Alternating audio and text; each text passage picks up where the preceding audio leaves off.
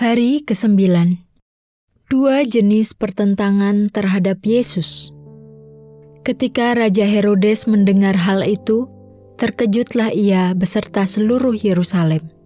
Matius 2 ayat 3 Yesus meresahkan bagi orang-orang yang tidak ingin menyembahnya, dan ia membangkitkan pertentangan terhadap orang-orang yang seperti itu. Ini bukan pokok pikiran utama dari Matius, tetapi implikasi itu tidak terhindarkan dari kisah Natal. Di dalam kisah ini ada dua jenis orang yang tidak ingin menyembah Yesus.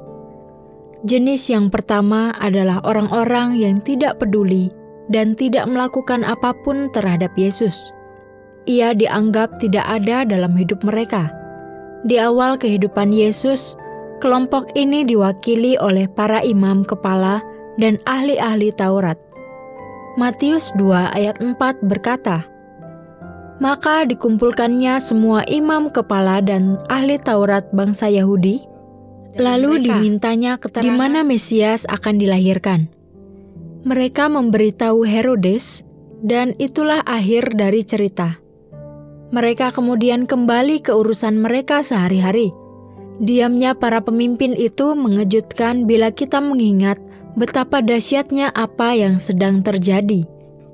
Perhatikan bahwa Matius 2 ayat 3 berkata, Ketika Raja Herodes mendengar hal itu, terkejutlah ia beserta seluruh Yerusalem.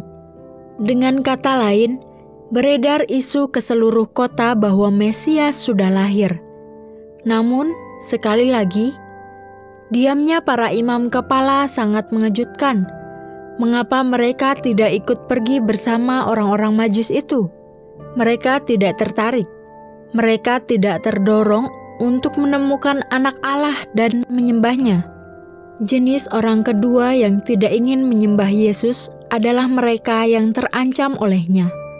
Dalam kisah ini, orang itu adalah Herodes.